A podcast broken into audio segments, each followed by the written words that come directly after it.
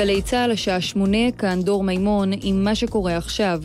ראש הממשלה בנימין נתניהו דורש מהרשות הפלסטינית וממדינות העולם לגנות את הפיגוע אמש בשער שכם, בו נרצחה לוחמת משמר הגבול הדס מלכה, זיכרונה לברכה, והביע צער עמוק על מותה. גם שר הביטחון אביגדור ליברמן התייחס הערב לפיגוע ואמר, הדס מלכה מהווה אות ומופת לכולנו. סיפור חייה הקצרים הם תוצאה של חינוך וערכים שספגה. השתיקה הרועמת של הרשות הפלסטינית מוכיחה שאין פרטנר בצד השני, כך ליברמן. בתגובה לפיגוע פתחה המשטרה בפעילות מבצעית בירושלים, במסגרתה נתפסו למעלה מ-350 שוהים בלתי חוקיים, והם הורחקו ממנה ומשטחי ישראל, זאת לאחר שהתברר כי המחבלים שהו בישראל גם כן ללא היתרים. מלכה תובא למנוחות בחצות וחצי הלילה בבית העלמין באשדוד. כתבנו טל אברהם מוסר כי צה"ל פשט על הכפר דיר אבו משעל, ממנו יצאו המחבלים, וכעת נערך להריסת בתיהם. משטרת לונדון מעריכה שמניין ההרוגים בשרפת המגדל עלה ל-58. למרבה הצער ישנם 58 אנשים אשר שהו במגדל באותו הלילה, ולצערי ההנחה היא שהם מתים, אמר מפקד הכוחות לכתבים, אך הוסיף כי המספר עשוי להשתנות. עד כה אותרו רק 17 גופות של קורבנות השרפה. רוסיה טוענת כי חיסלה שני בכירים בארגון דאעש. משרד ההגנה הרוסי הודיע כי הרג 180 חיילים בארגון ואת שני הבכירים בהפצצה אווירית לפני כעשרה ימים. כתבנו יותם לחובסקי מוסר כי אתמול הודיע חיל האוויר הרוסי שייתכן שבהפצצה על מעוז דאעש שבסוריה נהרג המנהיג אבו בכר אל-בגדדי. בקואליציית המדינות הלוחמות בדאעש לא אישרו את הדיווח. המשטרה עצרה סב וחשוד בביצוע מעשים מגונים בשתי נכדותיו במשך שנים, כשהיו בנות 6 עד 9. כתבתנו פיי גוטמן מוסרת כי בעקבות תלונה שהוגשה אתמול במשטרה נעצר הסב וחשוד, והוא יובא להארכת מעצר במוצאי השבת.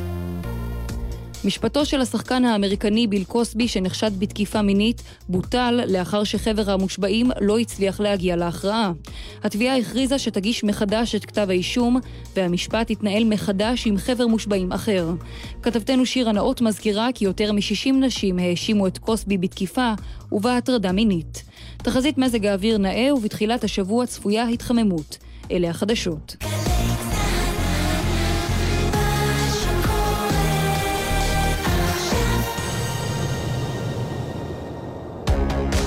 בגל"צ, טלי ליפקין-שחק.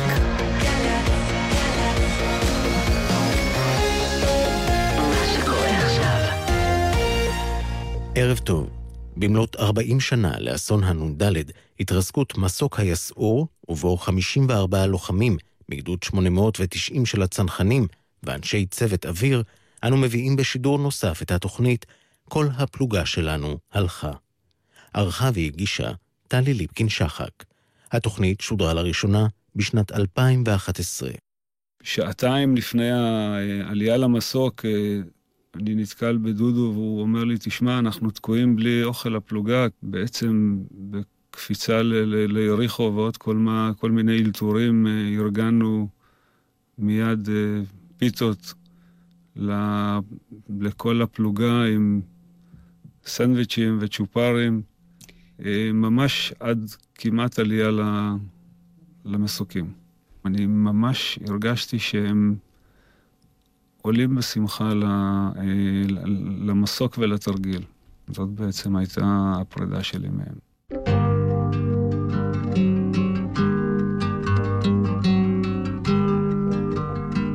כל הפלוגה שלנו, מאי 76, הלכה. משדר זיכרון לאסון הנ"ד. מגישה טלי ליפקין-שחק. שלום לכם. ב-10 במאי 1977, בשעת ערב, במהלך תרגיל עוצבתי משולב של חטיבה 35, חטיבת הצנחנים בבקעה, המריא מסוק תובלה מדגם יסעור ועליו 44 צנחנים ועשרה אנשי צוות אוויר. דקות אחרי ההמראה הנמיך המסוק פגע במדרון של גבעה, שישה קילומטרים צפונית ליריחו, והתרסק. כל 54 הלוחמים ואנשי הצוות נהרגו. פלוגה ד' בגדוד 890 התרסקה אל מותה. זהו משדר זיכרון לאסון שזוכרים אותו מעט מדי, אסון שעד היום עופף אותו קשר שתיקה, עוטף אותו כאבם של קרובי ההולכים וכאבם של אלה שנשארו בחיים. משדר זיכרון לסיפור ישראלי סיפורה של פלוגת מאי 76, שבמאי 77 הייתה לאבק. בסביבות שמונה בערב, מעיר אותי שלומי חברי, מנער אותי, אומר לי, תשמע, מיקי, קרה משהו. פתחנו מכשיר קשר, ואז אנחנו שומעים בקודים שמדברים על להביא שמחות, קרה משהו, ואז באמת ראינו נורים של מטוסים בשמיים. שמענו שהיה משהו קשה, משהו כבד. והתחילו שמועות, אמרו בהתחלה פלוגה כזו, פלוגה כזו, נפל מסוק, לא, לא הבנו את כל המשמעות של זה. הגענו לפנות בוקר ל, לשטח מסוים, אמרו לנו להמתין שמה, זה בעצם הייתה הודעה סופית שהפלוגה שלנו נפגעה. ואז uh, החטיבה המשיכה בתרגיל. החטיבה המשיכה בתרגיל, ואנחנו לפנות בוקר חזרנו באופן עצמאי לכיוון יריחו ולכיוון נואמה, נהיגה פראית, נהיגה של ממש של, של סוף עולם כזה. ואז הגענו למקום, ועשינו גל עד, וזה היה רגע מאוד מאוד מאוד קשה. זה רגע, שמה, שמה באמת הבנו שהפלוגה שלנו נמחקה. אנחנו יושבים, כל החבר'ה של כל הפלוגות, במקום המפגש הזה של כל הנגמשים, ופתאום בקשר, צעקות. אנחנו פתאום רואים כמה מכליות מים דוהרות לכיוון יריחו. נורים בשמיים, היסטריה. נפל מסוק. אני ישר רצתי למיקי, שהיה חורק בנגמש, ניערתי אותו, אמרתי לו, קום, מיקי, נפל מסוק. התחבקנו והתפללנו שהיה מסוק אחד שנשא שני נגמשים, שזה המסוק הזה. עד שנפל הפור, וזה אנחנו, מסוק מאי 76.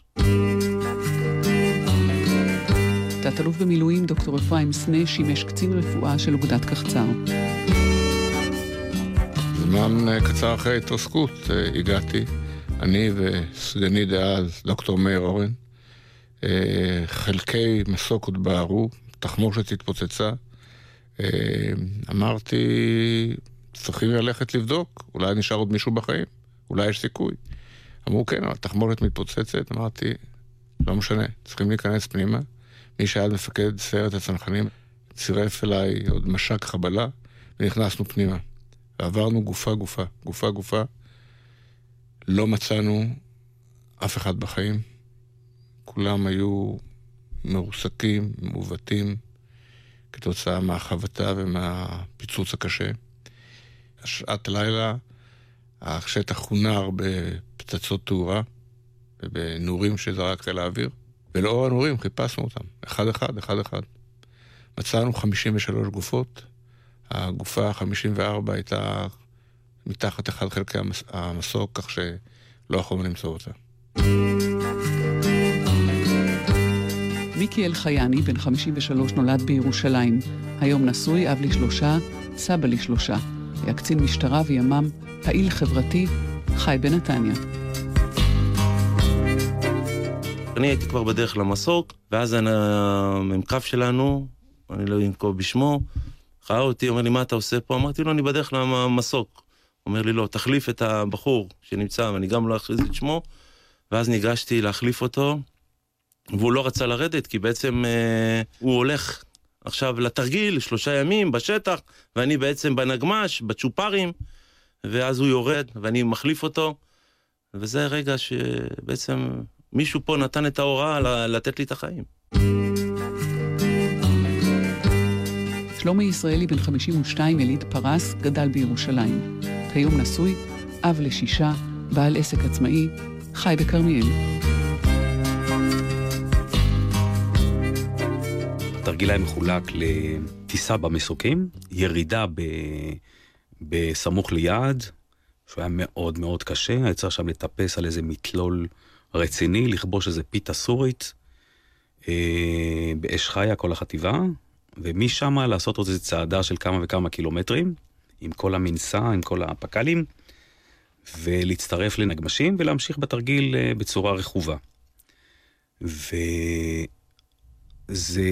היה צ'ופר למי שלא יוצא לתרגיל, מצד אחד. מצד שני, זה היה ערב סיום אה, המסלול לפני העלייה לקורס מ"כים, והייתה באוויר תחושה מבהילה שהסגל הכניס בנו, שלא כולם עולים לקורס מ"כים.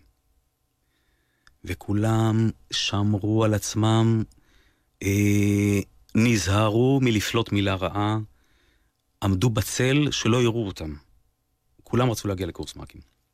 וכל מי שצוות לה להיות בנגמשים, די רעד לו הפופיק.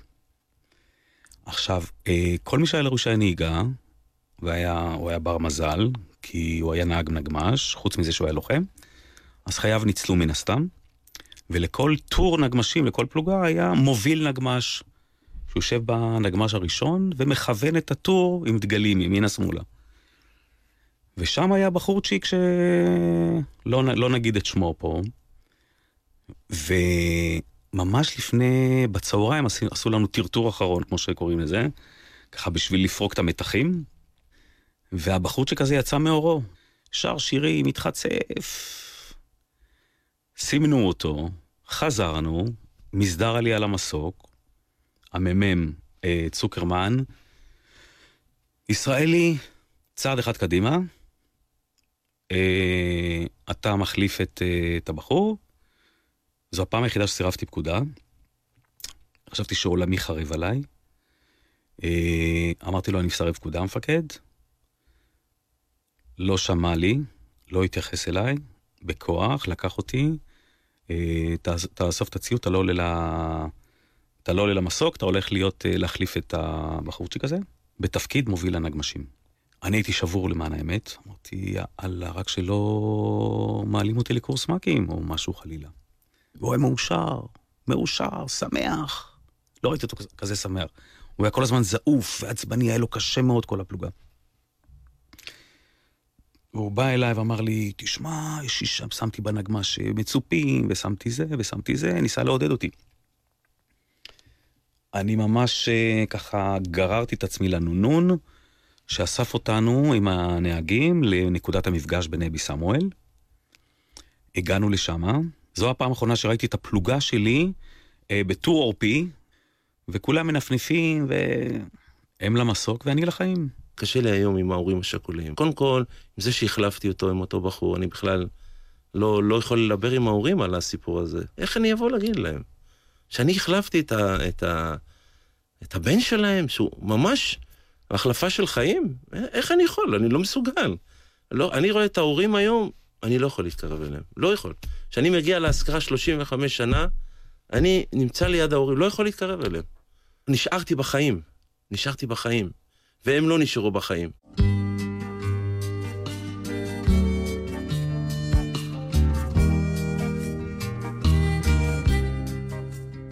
מה זה פלוגת ד', פלוגת מאי 76? פלוגה מאי 76 זה פלוגה של צנחנים, של עם ישראל, החבר'ה הטובים ש... שגלדו בשכונות, רובם, החבר'ה הטובים שרצו אה, להוכיח את עצמם, להוכיח שהם שווים משהו.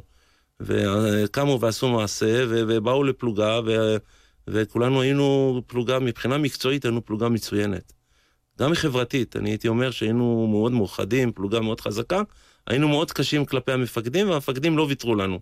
המפקדים נכנסו בנו בצורה מאוד מאוד קשה.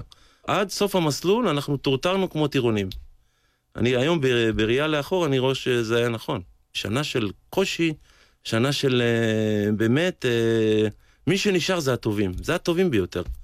איזה חברות הייתה ביניכם?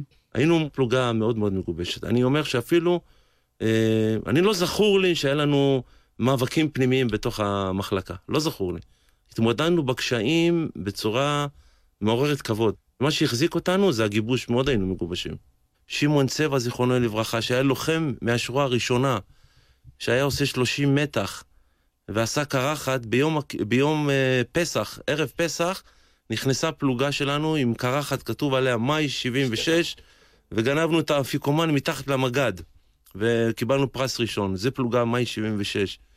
אני המשכתי עד הסוף אה, כצוואה בעצם, אני המשכתי להיות לוחם שלוש שנים. אני נשארתי והמשכתי, והכל על אף בשביל להמשיך את הדרך שלהם. חסר שאני הייתי נשבר בדרך, אז איפה המסר שלהם? איפה המסר שלהם? אני עוד המשכתי אחרי זה גם, בחיים שלי הפרטיים. עד היום, זה מהדהד לי מהעניין הזה שצריך להמשיך ולהוכיח ולהיות יותר טוב. גם בשביל האנשים האלו. זו חבורה באמת, אה, איך נקרא לזה, מכל, מכל הרבדים של ישראל. משהו שלא היה נקרא אה, צנחנים כמו פעם. כי בזמננו צנחנים היו אה, יפי הבלורית והעיניים הכחולות שמתנסים לגובה מטר שמונים ומעלה. פה הגיעו חבר'ה מכל השכונות, מכל העדות, גם עתודאים, עם מ"פ מטורף, שאמר, אני את החבר'ה המטורפים האלה, אם אני מצליח לשבור אותם, אני מדבר על, על, על, על לשבור אותם, להפוך אותם לחיילים, אני מקבל פה חיילים אמיתיים, שלי להגיד להם אחריי לא תהיה בעיה. לא מקבל פה חיילי שוקולד. והייתה מלחמה בין הצוות לבין החיילים, יום-יום, דקה-דקה. מי נשבע ראשון? סתם דוגמה, נעשה מעשה, שם מקבלים ישר את העונש עם ריבית. חצי דקה להקיף את, ה... את המכל מים. עושים את זה ב-20 שניות. או חצי דקה להמשיך, אנחנו ממשיכים לרוץ עוד ארבעה קילומטרים. בקיצור, כל הזמן היו מלחמות. הרבה, הרבה נפלטו בהתחלה, ובאמת, מי שנשאר, מי שנשאר, אה, הפכנו להיות, בגלל החיכוך התמידי הזה עם הסגל, זה הפך, הפכנו להיות באמת משפחה ברמה של אחים, לא חברים אפילו, ברמה של אחים. ומי שנשאר באמת, זו הייתה חבורה לתפארת. היה אה, יום הצנחנים לדורותיהם, וזה היה באיצטדיון רמת גן, וכל פלוגה שמו בזנת עם השם שלה. ואת רואה כל פלוגה, משפחות, שמחה, חיבוקים, נישוקים, כי, כי זה, זה, זה אחים. ואת רואה מאי 76, איזה שלושה ארבעה חבר'ה, יושבים לבד. אתה לוקח חבורה שהתאבתה בתנאים הכי קשים, הפכת אותם מפרטים למשהו שהוא עיסה אחת. זה אנשים שאתה... אתה מתקשר לחבר אה, אחרי 30 שנה, אתה אומר לו, אחי, אני במצוקה, אני באלסקה, הוא אוסף את הצ'ימידן שלו, הוא לא שואל שאלות בכלל. הוא בא אליך לעזור לך. ואנחנו גדלנו בלי אחים.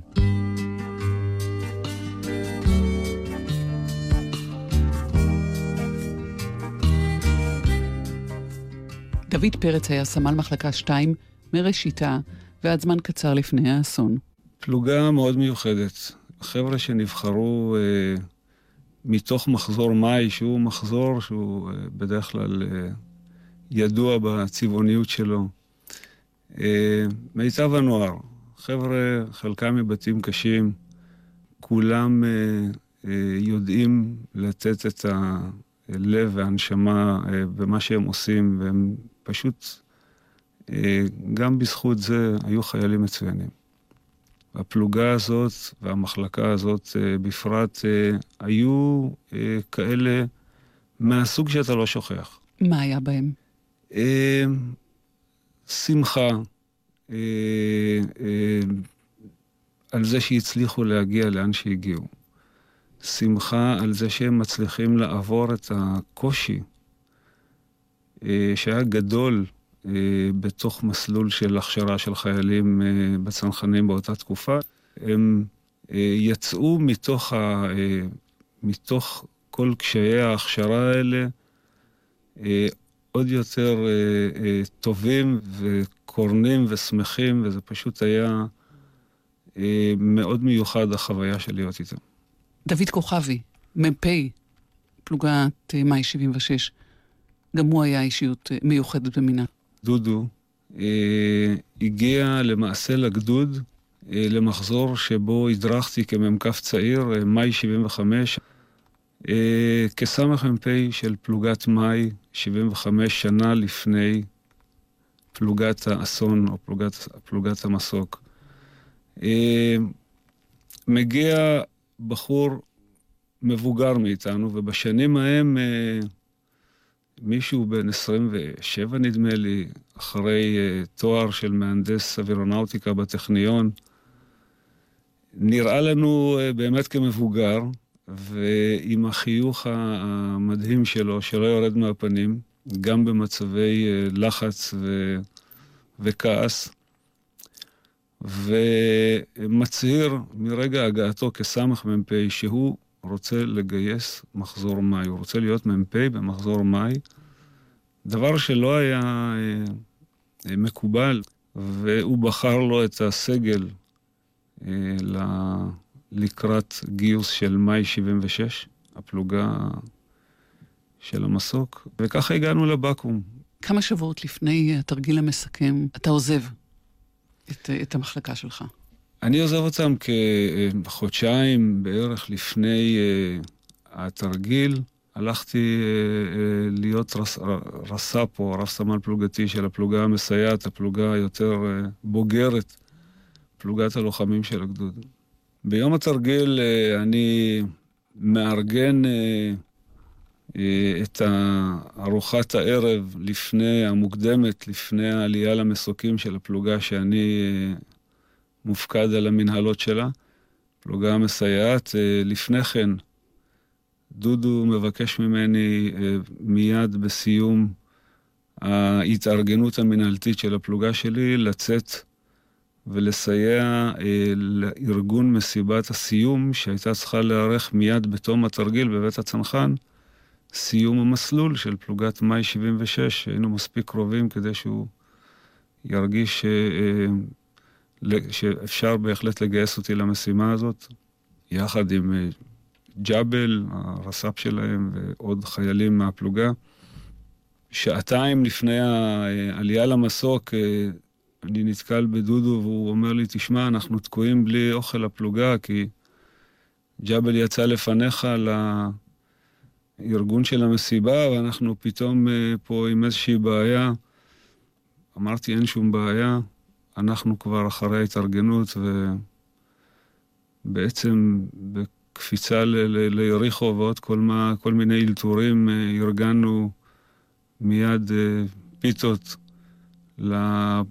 לכל הפלוגה עם סנדוויצ'ים וצ'ופרים, אה, ממש עד כמעט עלייה למסוקים.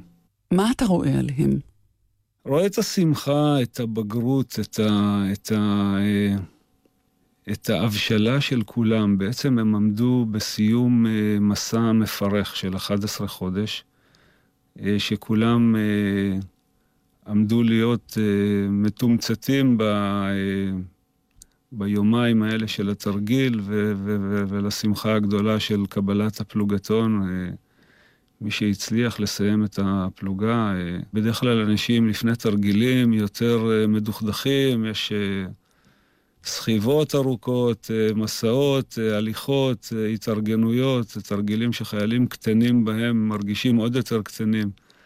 פה הייתה שמחה אצל כולם, אני ממש הרגשתי שהם עולים בשמחה למסוק ולתרגיל. וזו בעצם הופכת להיות ארוחת פרידה. נכון. נכון, זאת בעצם הייתה הפרידה שלי מהם. ואחר כך? יצאתי הביתה ממש אה, כשהמסוקים בשטח אה, עם אה, מנועים פועלים ורוטורים רועשים והכל מלא אבק. ו...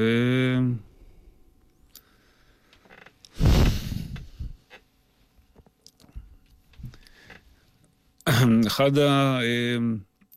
החיילים מהמחלקה היה צריך לאסוף אותי בשש בבוקר כדי להתחיל את ההתארגנות. הוא בא להעיר אותי ואמר לי שהוא שמע בחדשות שמסוק התרסק בבקעה, ואחת המחלקות עליו. מתי הבנת שזאת המחלקה שלך? אה, בעצם אה, אני אמרתי לו מיד שאני עזרתי שם לארגן את השיבוצים הקרביים, זה הטפסים האלה שמוגשים עם כל הרשימות, וכל הפלוגה נמצאת על המסוק. ונסענו בדממה אה, לבקעה, חזרה לנואמה, והגענו ל... אה, די מוקדם בבוקר לגלעד של אבנים שחיילים שלא יצאו לתרגיל ארגנו מהפלוגה, ולמעשה מי שראינו שם זה מי שנותר, כל, כל השאר היו על המסוק. כל מי שלא היה סביב ערימת האבנים הזאת, בעצם אה, נהרג. איך דוד פרץ משאירים אירוע כזה מאחור וממשיכים? אה, קשה. הימים הראשונים הם ימים של הלם ביחד עם ניסיון איכשהו לתרום משהו למשפחות. לזה הקדשנו את הימים הראשונים. בעצם אה, להתמודד עם שכול בהיקף כזה, בגיל כזה, נשמע אה, אה, מהמרחק הזה של השנים עוד יותר קשה, אבל אה, עצם ה, אה, הביקור אצל המשפחות והניסיון לתת להם ולעסוק אה, באמת בכאב הגדול או הבלתי ניתן לתיאור שלהם, אה, באיזשהו מקום עושה, עושה את זה אפשרי. יש לדאוג למשפחות השכולות ויש לדאוג לחיילים שנשארו, לאלה ששרדו מן הפלוגה. מי דואג להם? אה, החיילים ששרדו עוברים, עוברים בתוך הצבא, שהוא ארגון שלא תמיד יודע לגלות את ה... את כל הדקויות בעולם הרגישות שנדרש במצבים כאלה, אבל הם איכשהו שורדים את המצב. חלקם אה, סבלו יותר, חלקם אה, אה, התקשו מאוד להתמודד עם, ה, אה, עם האסון הנורא הזה, וזה בא לידי ביטוי גם ממרחק השנים ולאורך השנים בחיים של כמעט כל מי שנגע בפלוגה הזאת.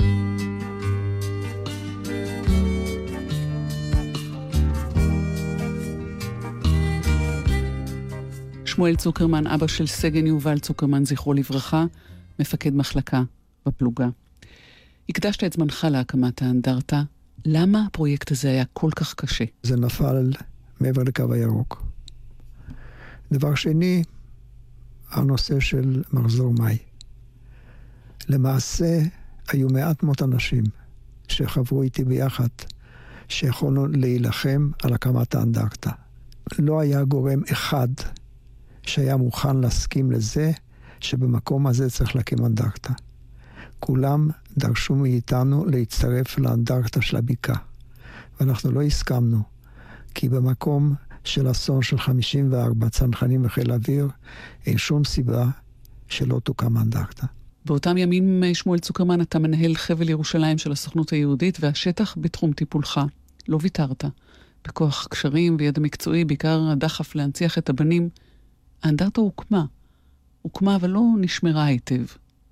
ניסינו כל שנה, איכשהו מקרן קיימת בקשרים שלי, לגרד קצת את השטח שאפשר יהיה להגיע לאנדרטה. אחרי 30 שנה, מגיע לטקס פרץ שהיה שר הביטחון. ואז החבר'ה ביקשו ממני לדבר, ואז שפכתי לפניו את כל מה שהיה לנו. ומאז המצב השתנה. למה אתה חושב, שמואל צוקרמן, אסון הנ"ד, אני לא רוצה להגיד בן חורג, אבל כבד מנשוא לממסד כדי להתמודד איתו? אני אגיד לך מה, אין גלוריפיקציה לאסונות. יש גלוריפיקציה בזמן מלחמה. כשאנשים הולכים להילחם ויש פעולות מוצלחות, יש אסון, מנסים לטאטא מתחת לשטיח. וזה תלוי בהורים. לנו לא היו הורים שיכולו להילחם. איך נודע לך דבר האסון?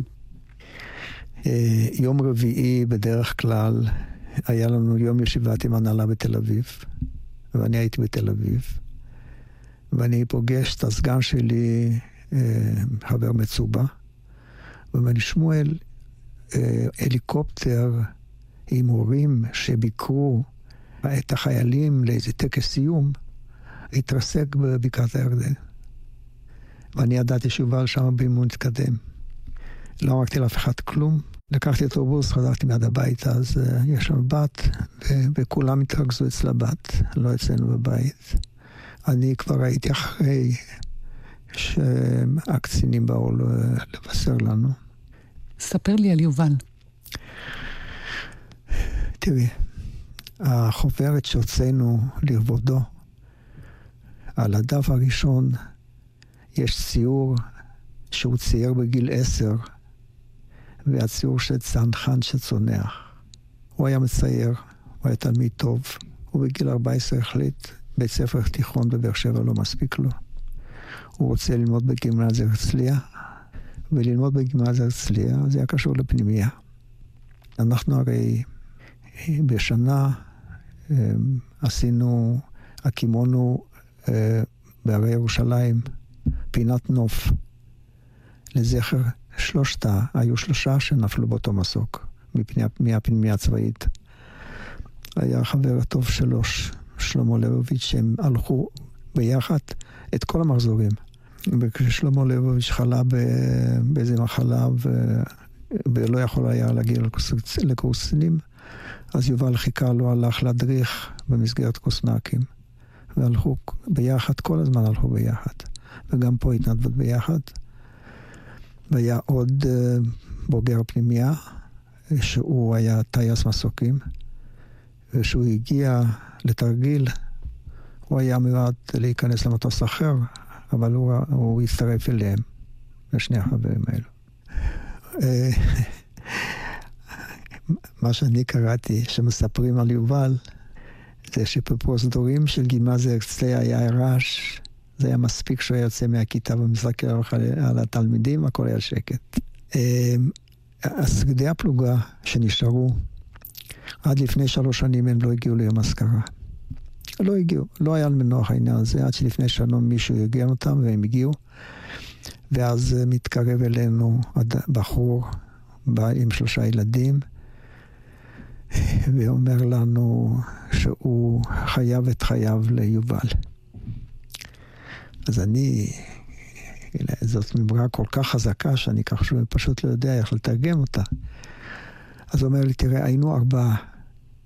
התהלכה שמועה בפלוגה, שמי שלא עולה למסוק לא הולך לקורס מ"כים. זהו. וזה היה מספיק על שכולם ינסו להיכנס למסוק. ארבעה כנראה כבר לא היה שום דבר, והם ניסו להיכנס, ויובל זרק אותם למטה. הוא אומר, הוא אומר לי, פשוט יובל לקח אותי וזרק אותי מהמסוק. יש ארבעה כאלו. זהו. מה אתה יודע על נסיבות האסון? אנחנו יודעים מעט מאוד, מעט מאוד. הסתירו מאיתנו את הכל. הייתה ועדה, והוועדה דנה בדלתיים סגורות. לא נתנו לנו להשתתף, רק הזמינו אותנו כאשר ראש הקריא את, את, את, את מעט מות. אחרי עשרים שנה אה, יכולנו מי שביקש לקבל את, ה, את הממצאים של הוועדה, את החוברת. בחוברת היה יותר מחוק מאשר רשום משהו. אני התחלתי לקרוא, וקראתי מעט מאוד, נתתי את זה לחתן שלי, אז הוא אומר לי, טוב שלא קראת, כי אין שום דבר בדוח הזה, כלום, כלום, כלום. אתה כועס, שמואל? תראי, אני כבר עברתי את התהליך הזה של כועס. מה אני כועס? אני, אין לי, אין לי על מי לכעוס בכלל. אין לי למי לכעוס. אתה מתגעגע. מאוד, מאוד. כי אני אגיד לך, יש לנו קשר עם קבוצה מסוימת של פנימייה צבאית שבאים אלינו כמעט כל שנה ליום הזיכרון. ואני רואה בדמותם את יובל.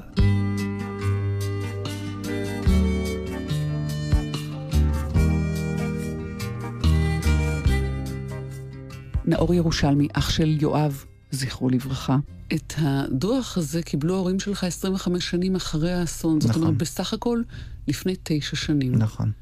איך זה לקח כל כך הרבה זמן שהם קיבלו את הדוח? ולמה לך עוד שלוש שנים עד שאתה קראת בו? מדוע זה לקח 25 שנה? צריך לשאול את אה, מי ששחרר את הדוח, וזה הצבא, שהסתיר אותו 25 שנה. היום כמובן זה לא יוכל לקרות. היום אה, אה, הורים מקבלים אה, דוח כזה אה, אחרי זמן מאוד מאוד קצר, וכך ראוי שיהיה. הורים או משפחות, אה, וכך ראוי שיהיה. אמ, זאת חלק מההתייחסות הכוללת של המערכת בעינינו, ההתייחסות הכוללת של המערכת לאסון הזה שצריך להדחיק ולהסתיר את מה שכרוך פה, גם אם עברו הרבה שנים. למה זה לקח לי הרבה זמן? כוחות נפשיים שצריך כדי לצלול. הדוח הוא מאוד מפורט ומדבר על כל השלבים של אותו לילה נוראי. אפשר לקרוא אותו ממש כספר מתח, איך העלילה... אה, שסופה כבר ידוע מראש, נבנית, ואיך העומס על אותו אדם שמחזיק את הסטיק של המטוס אה, הולך ונבנה, ואיך הוא ממריא תוך כדי שהוא צריך פיזית להוריד את הראש בהמראה, אה, ואיך המכשירים שלו לא מחוילים ולא מכוונים, הכל כתוב שם אגב, זה אני מצטט מתוך, ה, מתוך הדוח, ואיך בסוף זה נגמר, ואיך קצת אחרי הסוף אומרים, טוב, יש בן אדם אחד אשם, הוא אשם יחידי, הוא לקח את האשמה איתו אל הקבר, ומשכיחים את כל העניין עם, כל, עם שאר ה-53 שהיו איתו על המסוק. לפני אמ, גם כשבע, שמונה שנים, אני לא זוכר בדיוק, אה, אמ, חטיבת הצנחנים אה, הוציאה ספר לציון 50 שנה. לחטיבת הצנחנים. אמ, והיה ספר מאוד מפורט שדיבר על המלחמות, על המבצעים, על האירועים, על הגיבורים, מאוד מאוד יפה. שכחו שם נושא אחד, שמה לעשות, פלוגה שלמה שנמחקה באירוע אחד, אה, נמחקה גם מהספר. ביום השנה התשיעי לאסון המסוקים בצפון, ב-2006, זה היה הרגע שאתה קלטת שיש פה פער בלתי נסבל. נכון, אמ, נסעתי אה, במכונית אחר הצהריים, פתחתי גלי צה"ל, ולשמוע את יומן החדשות, ובמקום יומן היה שידור ישיר ומלא של אה, טקס האזכרה לאסון המסוקים אה, בשער יישוב, אה, עם שר הביטחון והרמטכ"ל אה, וכל צמרת צה"ל, מה שאגב ראוי מאוד שיהיה בדברים מהסוג הזה. ופתאום תפסתי עצמי חושב, זה, זה הרי לא הגיוני, אנחנו כבר אה, אה, כמעט 30 שנה מבלים עם עצמנו ביום הזה, עם כמה קצינות בהחלט סימפטיות מחטיבת הצנחנים, ועוד כמה קצינים וקצינות בהחלט סימפטיים מחיל האוויר, אה, ועם אלוף פיקוד המרכז, שמקפיד להגיע בכל שנה, אבל לא ראינו אף פעם לא שר ביטחון, לא יושב ראש ועדת חוץ וביטחון, לא רמטכ"ל, אמ, ומכיוון שלא ראינו אותם, לא ראינו כמובן לא את גלי צה"ל, ולא את במחנה, ולא אף אחד אחר שהולכים לאן שהמערכת הולכת, ולא הולכים לאן שלא מתייחסים אליו. אמ, ומה שהתחלתי לעשות אז זה לשלוח מכתבים. ובסוף התעצבנתי והוצאתי את הכל לתקשורת, ובשנה שמלאו 30 שנה לאירוע, ב-2007, בא הרמטכ"ל, ודאז, ובא אשכנזי, ובא שר הביטחון דאז פרץ, ודיברו, והתייחסו למשפחות, ועשו את מה שצריך לעשות, לא יותר ולא פחות אה, מלתת את היחס אה, שצריך. ואנחנו מצידנו, אגב, גם עשינו משהו מיוחד בשנה ה-30. אה, הוצאנו מחדש אה, במימון, בתרומה של כמה מהחברים מהפלוגה, מהסגל, אה, את ספר הפלוגה שהוא ספר אה, מאוד מיוחד, עטיפה שחורה עם אותיות זהב, שכתוב עליה, כך היו חיינו, כאילו נבואי על מה שעתיד להיות. ו... זה ספר שהכינה הפלוגה לקראת סיום המסלול, לפני שיצא כן, לקורס כן, מ"כים. כן, ספר מחזור הקבוע, שאנשי, שהפלוגה עצמה כתבה, החיילים עצמם כתבו. מה אתה זוכר, נאור, מהאסון עצמו? אחרי האסון אני זוכר אה, את העיתונים, ואת התמונות בעיתונים, בעמודים הראשונים, אה, של, ה, אה, של המסוק השרוף, אה, שידור הטלוויזיה שהיה למחרת, שידור החדשות שהיה למחרת. אנחנו, יש, יש מנהג כזה של חלק מהמשפחות שאחרי טקס האזכרה, שנמצא באנדרטה שעל ראש הגבעה, אמ, הולכים לשדה שמאחור במורד הצפוני של הגבעה שעליו התרסק המסוק, ומלקטים אה, שרידים שקיימים שם עד היום, של מגוף המטוס, המתכת של המטוס וגם חלקים אחרים. עשר שנים אחרי האסון, אה, באחד האירועים האלה אני מצאתי שם את הדיסקית של המ"פ, אה, כשאימא שלו הייתה ממש לידי. ו... ועם כמה, באמת שלושים ומשהו שנה, וזה אזור שטוף רוחות ושטוף אה, מרעה של אה, רועים בדואים, ו... ומן הסתם מלקטי מתכות ומזכרות למיניהם, עדיין בכל שנה יש את המנהג הזה, ואנשים אוספים אה, שרידים של, ה...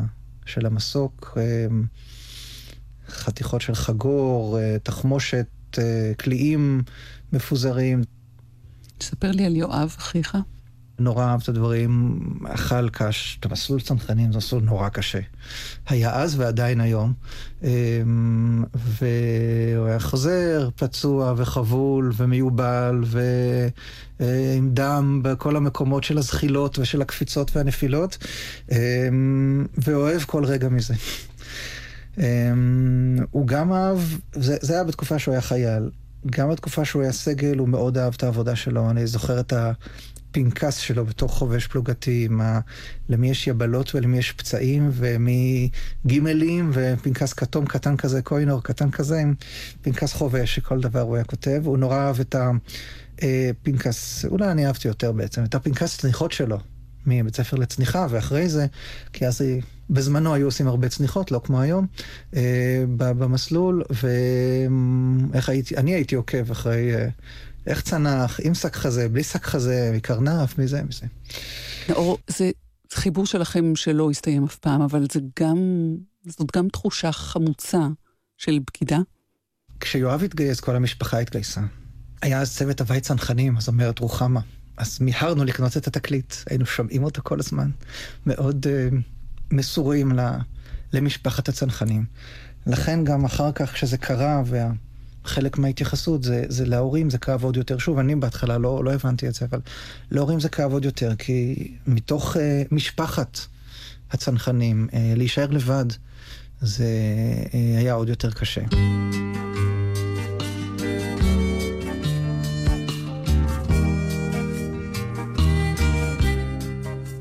עניין אותך מה קרה? למה קרה האסון? למען האמת, בשנים הראשונות לא עניין אותי.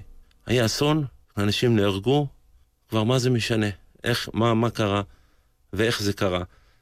עם השנים זה עניין אותי, עם השנים אה, היו גרסאות כאלו ושונות על אה, ניסו להפיל תיק על הטייס, שאנחנו גם כחברים מתנגדים לעניין הזה. אני קראתי את הדוח, אחרי 30 שנה הגיע לידי הדוח, ובעצם עד היום אני לא כל כך מבין מה עם הדוח הזה. לא מבין כל כך. תראי, אמרו שהטייס אשם, ובזה נגמר הסיפור. עניין, לא עניין, היינו קטנים, מושתנים, וחטפנו כל כך הרבה מכות בראש, שהיינו כאילו כלום. לקח לנו המון שנים להתכנס חזרה, ואיכשהו לעשות, להקים את הסיפור הזה של ההנצחה. כי באמת כל אחד היה עסוק ב... בהישרדות האישית שלו. אחרי 32 שנה, אחרי שעשינו איזה גל, זימנו אותנו יום אחד לוועדת חקירה על ועדת החקירה. והגיעו שם כל הקודקודים של חיל האוויר, אה, המח"ט הצנחנים וכל מיני אוגדונרים. ואנחנו דאגנו להביא את אשת הטייס איתנו. והם אמרו, תקשיבו חבריא, הצבא שהיה אז זה לא מה שהיה היום. אנחנו בדקנו שוב, את הסיפור, ולפי הממצאים ומה שהיה, זאת לא הייתה אשמתו של הטייס. זה מסוק שהגיע מתל נוף עם 30 תקלות. בשטח עצמו דווחו תקלות, והוא קיבל הוראה חד משמעית לעלות, כאשר הכתובת הייתה רשומה בקיר.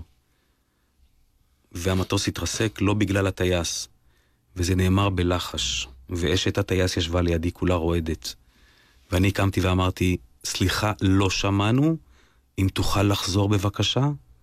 אז הוא קם חזרה ואמר, זאת לא הייתה אשמתו של הטייס, ואשת הטייס נשמה לרווחה, ואני ביקשתי לקבל תמליל של הסיפור הזה, בשביל להעביר אותו להורי הטייס, שהתביישו, 30 שנה לא הגיעו לטקס, לא דיברו עם אף אחד.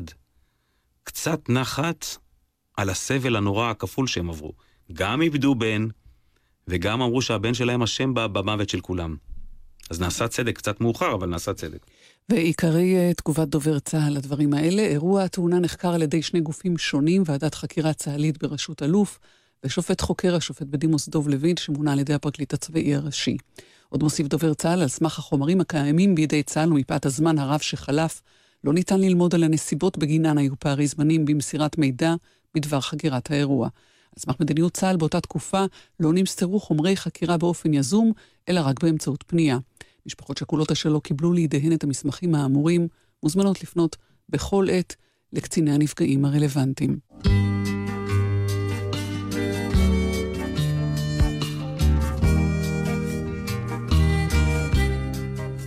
מיקי, הייתם לפני קורס מ"כים. קודם כל, אחרי אסון המסוק, רצינו להיות כקבוצה אחת ביחד. היום בראייה לאחור, אני חושב שזה לא היה נכון לעשות את זה. מי שעשה את זה, עשה את זה ב... לא בסכין מנתחים, בפטיש.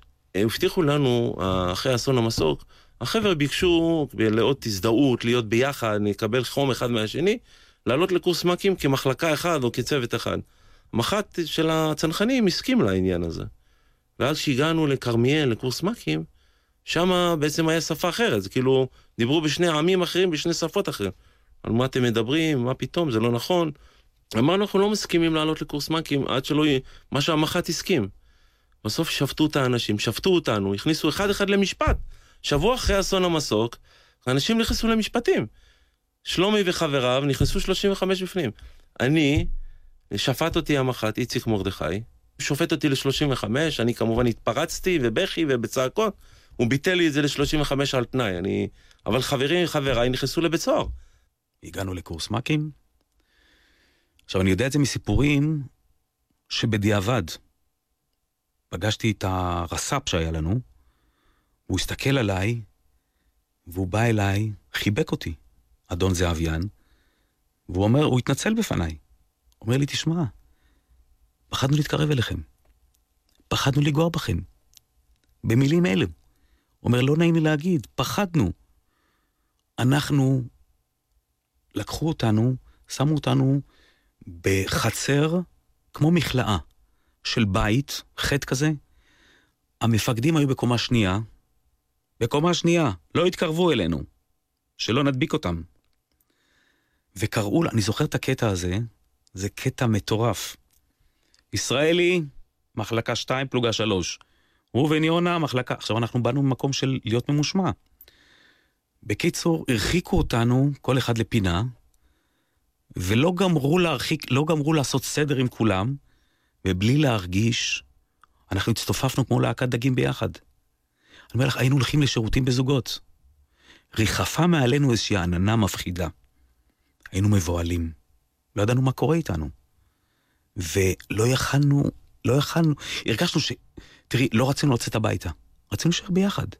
תראי, הנפש, הנפש של האדם הממוצע, כן? לא האדם הביוני. אה, אחרי אירוע מטורף שכזה, צריכה להרגיש קצת חיבוק, קצת אהבה, קצת ליטוף, קצת אכפתיות. אותנו לקחו וזרקו לכלבים, התייחסו אלינו כאחרוני הפושעים.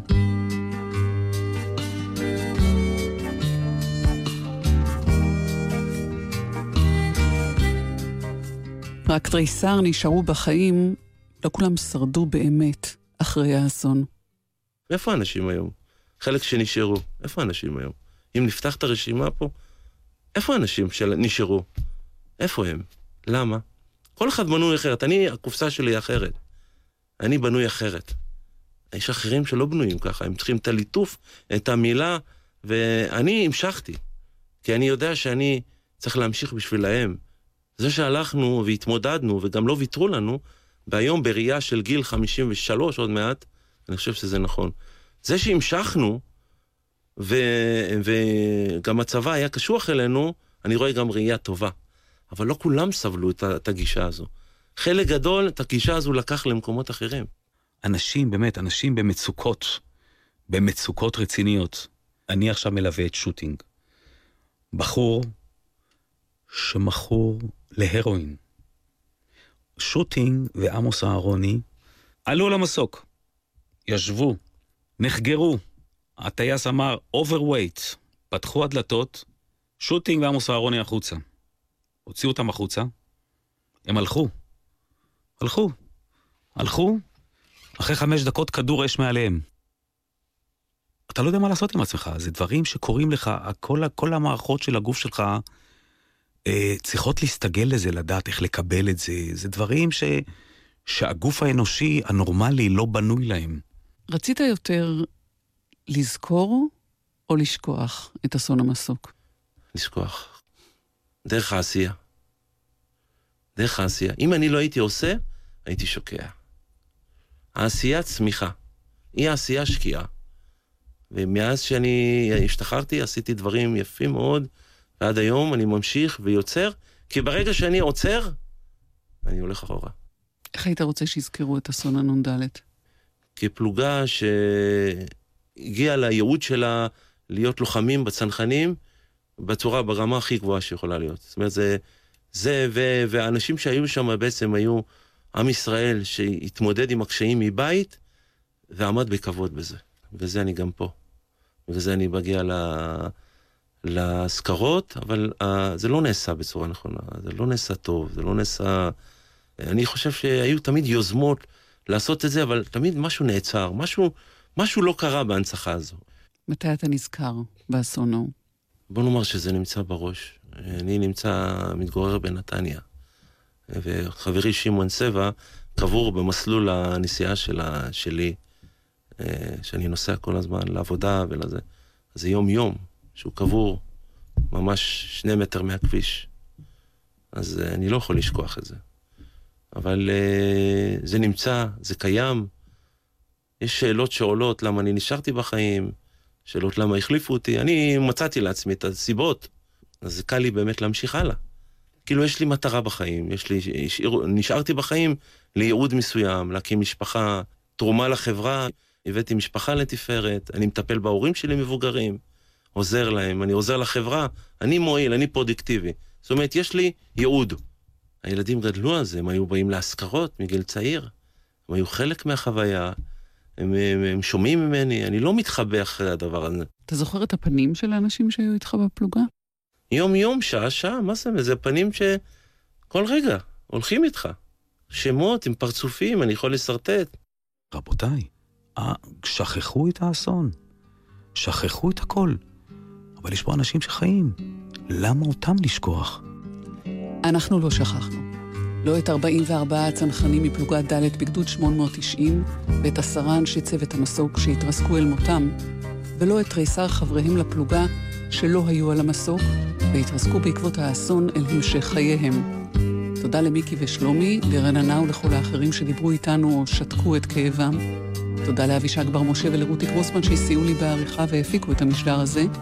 לאסף סיטון, אהוד שכטר, נווה בראל ועמית אפטה על הביצוע הטכני. אני טלי ליפקין-שחק, היו שלום.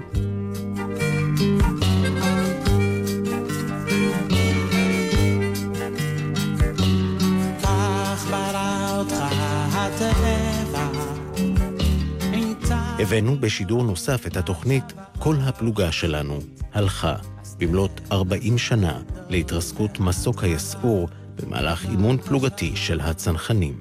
המשך האזנה נעימה. תיקח ברא אותך הטבע, ימצא דמיון מחשבה חופשית, אז תן לזה לגדול מההתחלה, בבקשה.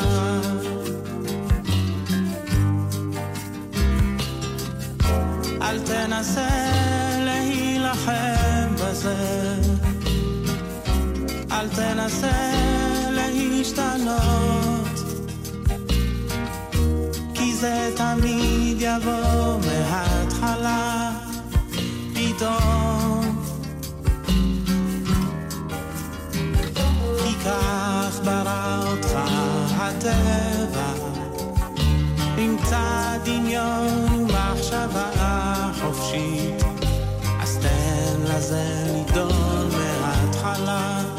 בבקשה.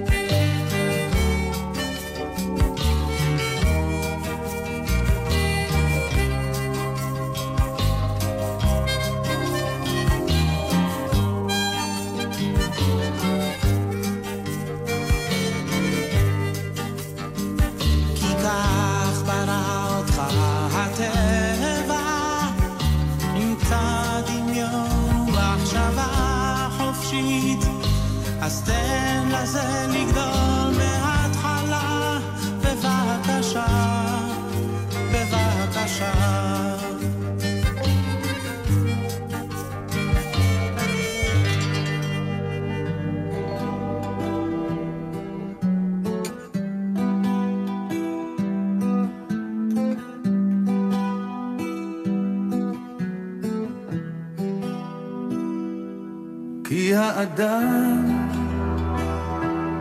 עץ השדה. כמו האדם גם העץ צומח כמו העץ האדם נגדע ואני לא יודע איפה הייתי ואיפה השדה כי האדם עץ השדה.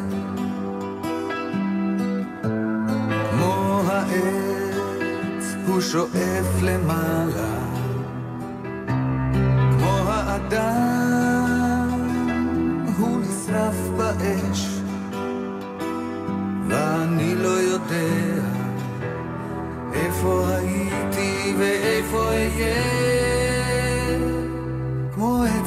עץ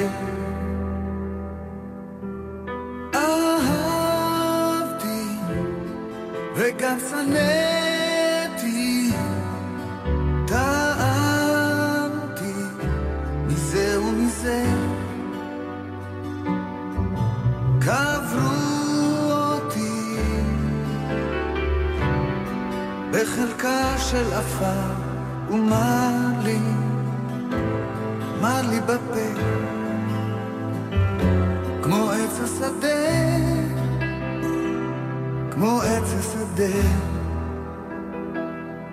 כי האדם עץ השדה. כמו העץ הוא צמא למים.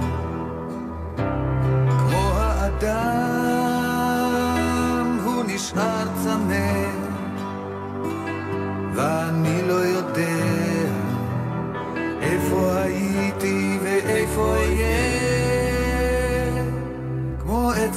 השדה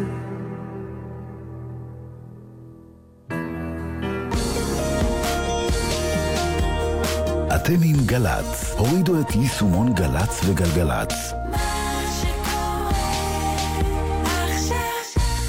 האישה הזאת, העומדת במעבר החצייה, יכולה הייתה להיות אשתך. לא תעצור לה? אילו התייחסנו לכל הולך רגל כאל בן משפחה, היינו מצילים חיים. מהיום כולנו נלחמים על החיים, יחד עם הרשות הלאומית לבטיחות בדרכים. האוניברסיטה המשודרת חוזרת, ותוכלו להאזין לה גם באוטובוס, גם בתור לשיננית, גם על רכבת הרים, וגם בחלל. את הסמסטר החדש של האוניברסיטה המשודרת תוכלו לשמוע היכן שרק תרצו. עם מיטב המרצים על נושא העיר, בן שני עם המדען העירום, מאיה להט קרמן על שפה וליעד מודריק על מעצמות. האוניברסיטה המשודרת, ראשון עד רביעי בשמונה וחצי בערב ובכל זמן שתרצו באתר וביישומון של גל"צ. מיד אחרי החדשות, תוכנית מציאות, הרצועה התיעודית של גל"צ.